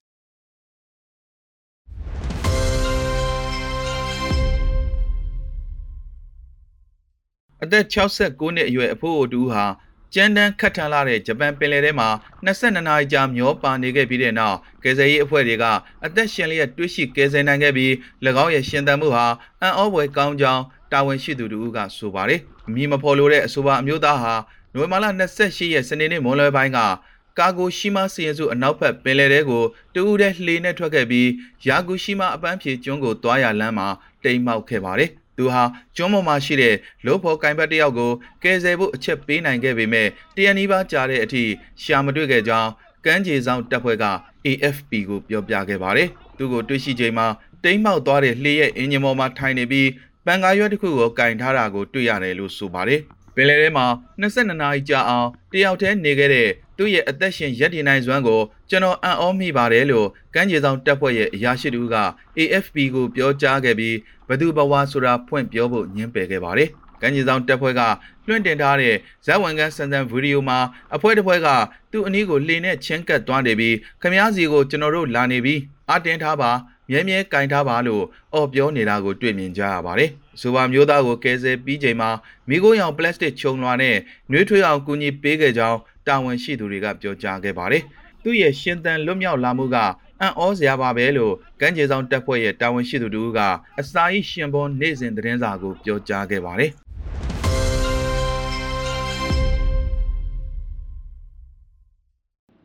ကမ္ဘာတဝန်းကိုပြန့်နှံ့လာနေတဲ့ COVID-19 မျိုးကွဲအသစ် Omicron ကိုတိုက်ဖြတ်ဖို့အတွက်အားချင်းအရေးပေါ်လှုပ်ဆောင်ကြဖို့နိုဝင်ဘာလ29ရက်တနင်္လာနေ့က G7 ကျန်းမာရေးဝန်ကြီးတွေကတိုက်တွန်းလိုက်ပြီး American သမ္မတဂျိုးဘိုင်ဒန်ကတော့အဆိုပါယောဂါဖို့အတွက်အစိုးရမလွန်ကြဖို့လိုကြောင်းပြောကြားလိုက်ပါတယ်။ပြီးခဲ့တဲ့သတင်းပတ်ကတွေ့ရှိခဲ့တဲ့ virus မျိုးကွဲအသစ်ဟာဥရောပ၊အာရှနဲ့မြောက်အမေရိကတိုက်တွေကိုလျင်မြန်စွာနဲ့ပြန့်နှံ့သွားတဲ့အတွက်ခရီးသွားလာမှုကန့်သက်ချက်အသစ်တွေချမှတ်ခြင်းနဲ့နယ်နိမိတ်တွေကိုတင်းတင်းကြပ်ကြပ်စစ်ဆေးပိတ်ဆို့မှုတွေ ပြုလုပ်လာတဲ့နိုင်ငံတွေထဲမှာဩစတြေးလျနဲ့ဂျပန်နိုင်ငံတွေကဥဆောင်နေပါတယ်။ဒါပေမဲ့ဘိုင်ဒန်ကတော့ Omicron ကြောင့်အခုလိုအချိန်မှာပိတ်ဆို့မှုအသစ်တွေနဲ့ခရီးသွားလာမှုကန့်သက်ချက်တွေကိုတက်တန်းတိုးဖို့ကြိုတင်လှုံ့ဆော်ဖို့မရှိသေးကြောင်းအမေရိကန်တွေကိုပြောကြားထားပါတယ်။ Omicron ကြောင့်သေဆုံးမှုသတင်းထွက်ပေါ်မလာသေးသလို COVID-19 ပထမဆုံးလူနာကိုစတွေ့ပြီးနောက်နှစ်နှစ်နီးပါးအကြာထိအောင် COVID-19 ကူးစက်ခံနေရဆဲဖြစ်တဲ့ကမ္ဘာမှာ အသစ်ပေါ်လာတဲ့ဒီမျိုးကွဲသစ်ကဘလောက်ကူးစက်နိုင်တယ်ဆိုတာနဲ့ကာကွယ်ဆေးတိုးမတိုးဆိုတာတွေကိုရှင်းရှင်းလင်းလင်းမသိရသေးပါဘူး။လက်တလုံးမှာတော့အထူးသဖြင့်အနောက်ဥရောပရှိအစိုးရအများပြားဟာယောဂအရှိန်အဟုန်နဲ့ကူးစက်မှုကိုကြုံတွေ့နေရပြီးမဖြစ်မနေ max ဝစ်ဆင်ခြင်း social distancing နေထိုင်ခြင်းညမထွက်ရနဲ့ lockdown များပြုလုပ်ခြင်းတွေကမန်းကရန်လှုပ်ဆောင်လာကြတဲ့အတွက်စီးပွားရေးလုပ်ငန်းတွေအနေနဲ့နောက်ထပ်ဆိုးဝါးလာတဲ့ခရစ်စမတ်ကာလကိုကြုံတွေ့ရမှာစိုးရိမ်နေပါတယ်။အရေးပေါ်ဆွေးနွေးပွဲအပြီးမှာ COVID-19 မျိုးကွဲသစ်ရဲ့ကနဦးအကဲဖြတ်မှုမှာချင်းချောက်မှုအသစ်တစ်ခုနဲ့ရင်ဆိုင်နေရကြောင်းတွေ့ရှိရတဲ့အတွက်ကမ္ဘာအတိုက်အဝန်းအနေနဲ့အရေးပေါ်လှုပ်ဆောင်ရန်လိုအပ်ကြောင်း G7 ကျန်းမာရေးဝန်ကြီးတွေကပြောကြားခဲ့ပါတယ်။ကမ္ဘာကျန်းမာရေးအဖွဲ့ကြီးက Omicron ရဲ့အန္တရာယ်ရှိမှုအလွန်မြင့်မားကြောင်းပြောကြားခဲ့ပြီးကြီးမားတဲ့အရှိန်အဟုန်နဲ့ကျန်းမာရေးစနစ်အပေါ်ကိုဖိအားဖြစ်စေနိုင်တဲ့အတွက်သေဆုံးမှုပိုများလာနိုင်ကြောင်းသတိပေးထားပါတယ်။ ဒါပေမဲ့ Omicron နဲ့ပတ်သက်ပြီးအချက်ပေးကောင်းလောင်းထိုးခဲ့တဲ့တောင်အာဖရိကဆရာဝန် Angelis Kozi ကသူမတွေ့ရတဲ့ယောဂကူးစက်မှုတွေဟာအကြမ်းမျိုးကွဲတွေထက်ယောဂလက္ခဏာတွေပိုမိုပျော့ပြောင်းနေတယ်လို့ဆိုပါတယ်။ American အနေနဲ့ Omicron ရဲ့ပြန့်နှံ့မှုကိုထိန်းချုပ်နိုင်ဖို့ကောင်းမွန်တဲ့အနေအထားမှာရှိတယ်လို့ Biden ကအလေးပေးပြောကြားခဲ့ပါတယ်။ဒီအချိန်ကျွန်တော်တို့မှာအရင်ကတည်းကစာရင်မျိုးကွဲကိုတိုက်ဖြတ်ဖို့လက်နက်ကိရိယာတွေပိုရှိနေပါပြီလို့ Biden ရဲ့စေဘက်ဆိုင်ရာအကြံပေးအရာရှိ အန်တိုနီဖော်စီကပြောဆိုလိုက်ပြီးလက်ရှိကာကွယ်ဆေးတွေကိုအကျဉ်းရတိုးမြင့်ထိုးနှံခြင်းအပြင်မျိုးကွဲသစ်ကိုတိုက်ဖြတ်နိုင်လိမ့်မယ်လို့မျှော်လင့်ထားကြောင်း၎င်းကဆိုပါတယ်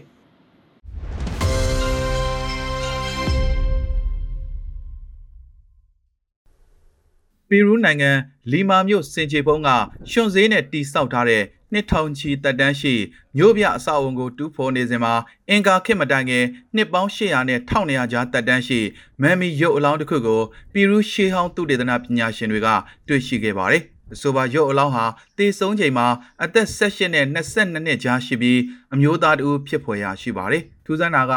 ၎င်းရဲ့မျက်နှာကိုလက်တွေနဲ့ကာထားလျက်ကျိုးတွေနဲ့တုပ်နှောင်ထားတာပဲဖြစ်ပါတယ်။ဒူဖော်တွေ့ရှိရနေရာကတော့လီမာမြို့အရှိဘ က်ကာဂျာမာကွီလာရှေးဟောင်းသုတေသနနယ်မြေဖြစ်ပြီးအလျား3မီတာအနက်1.4မီတာရှိတဲ့ဂူထဲမှာတွေ့ရှိခဲ့တာဖြစ်ပါတယ်။သုတေသနပညာရှင်တွေရဲ့အဆိုအရကာဂျာမာကွီလာဟာ168ဟက်တာအကျယ်ဝန်းရှိတဲ့မြို့ကြီးတစ်မြို့ဖြစ်ပြီးလူဦးရေ1000နဲ့2000ကြားနေထိုင်ခဲ့တာဖြစ်ပါတယ်။ BC 200ဝန်းကျင်ကတည်ဆောက်ခဲ့တာဖြစ်ပြီး AD 1500ခုနှစ်ထိလူတွေနေထိုင်ခဲ့တယ်လို့ဆိုပါတယ်။ကာဂျာမာကွီလာမြို့ဟောင်းကြီးဟာလီမာမြို့အရှိတ်24ကီလိုမီတာအကွာမှာရှိပြီး မြို့တော်ရဲ့အကြီးစားရှေးဟောင်းသုတေသနနယ်မြေတွေထဲကတစ်ခုဖြစ်ပါတယ်။ဒီတွေ့ရှိမှုနဲ့ပတ်သက်လို့ကာဂျာမာကွီလာစီမံကိန်းမန်နေဂျာပီတာဗန်ဒါလန်လူနာကအခုလိုပြောပြပါတယ်။ဒီမန်မီကိုမြေအောက်ကကြော့ပုံတင်ကြိုင်းထဲမှာတွေ့ရှိခဲ့တာဖြစ်ပါတယ်။ဒီမန်မီရဲ့ကိုယ်ပေါ်မှာကျိုးတွေတုံနှောင်ထားတာတွေ့ရတယ်။အတော့ကိုစမ်းကြယ်ပြီးရှားပါလွန်းတဲ့အတုပစီရင်ပုံအလေးအထားတစ်ခုပဲ။ ဒီမန်မီကတောင်တန်းဒေသကနေကုံသွယ်ဖို့ဒါမှမဟုတ်အခြားကိစ္စတစ်ခုခုနဲ့ဒီနေရာကိုရောက်လာတာဖြစ်နိုင်တယ်ဒီနေရာကကုံစီကူးတန်းရောင်းဝယ်ဖောက်ကားရာအချက်အချာမြို့ကြီးဖြစ်နေလို့ပါကြိုးရမှာထည့်သွင်းထားတဲ့ပစ္စည်းတွေရဲ့အနေအထားအရဒီမန်မီကစိုက်ပျိုးရေးကိုဇောက်ချလောက်ကင်သူဖြစ်နိုင်ပါတယ်ပြောင်းစံတွေအခြားအပင်တွေပစ္စည်းတွေအပြင်ပူးတွေကိုရစ်ပူဇော်ထားတာကိုတွေ့ရလို့ပါဒီမျိုးဟောင်းကြီးမှာလုပ်ငန်းတာဝန်များစွာဖွံ့ဖြိုးတာတွေ့ရပါတယ်ကဏ္ဍတွေလည်းအများကြီးပါပဲ အုပ်ချုပ်ရေးပြည်တွင်းရေးနဲ့အိုးအိမ်နေရာခြားထားရေးအပြင်တုတ်တန်တဲ့တကြိုရေးကဏ္ဍတွေပါတွေ့ရပါတယ်။လူနေအင်ဂျီတွေရှိတဲ့ဒီမျိုးပြရဲ့အလယ်မှာတင်းချိုင်းကိုတွေ့သလိုတကြိုထားတဲ့အလောင်းတွေပါတဲ့ကျင်းနဲ့နဲ့တွေလည်းတွေ့ရပါတယ်။ Era un centro urbano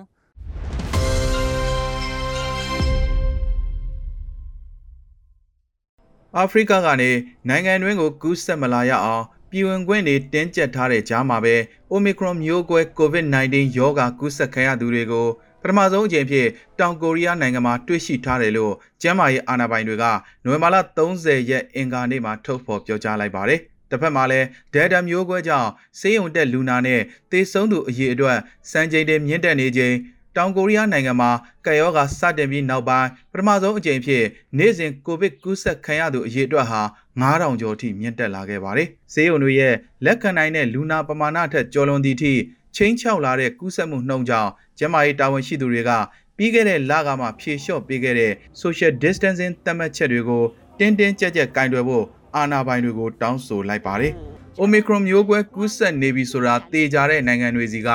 လေကြောင်းခီးစဉ်တွေကိုပိတ်ဆို့ပေးစေချင်ပါတယ်။ဒါမှသာလေစိတ်ထဲထိရောက်မလာတော့မှလို့အသက်53နှစ်အရွယ်အိုယွန်ရှွတ်ကဆိုပါတယ်။ကူးစက်မှုနှုန်းကတအားမြင့်တက်လာတော့တကယ့်ကိုစိုးရိမ်မိတယ်။အရင်တုန်းကဆိုရင်6လအတွင်းမှာမှကူးစက်ခံရသူ1ယောက်2ယောက်လောက်ပဲအခုဆိုပြီးခဲ့တဲ့တပတ်အတွင်းအရေးအတွက်ကကြောက်စရာကောင်းလောက်အောင်ကိုထိုးတက်လာတယ်လို့သူကဆက်ပြောပါတယ်။ဒီရက်ပိုင်းအတွင်းမှာကူးစက်ခံရသူအရေးအတွက်ကကျွန်တော်မိတ်ဆွေတွေအပါအဝင်အများကြီးထိုးတက်လာလို့ တကယ်ကိုစိုးရိမ်မိတယ်လို့အသက်25နှစ်အရွယ်ရုံးဝန်ထမ်းချွဲဂျွန်ဟွန်ကဆိုပါတယ်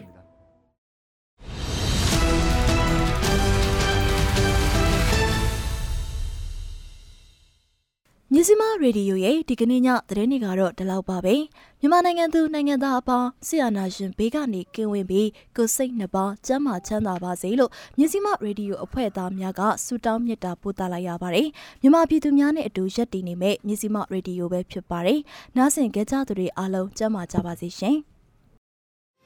ကျမတို့မြစီမ108 FM ရဲ့နေ့စဉ်သတင်းအစီအစဉ်တွေကိုမြစီမ108 FM Facebook Page နဲ့ Anchor Podcast ကနေလည်းနှာစင်နိုင်ပါတယ်။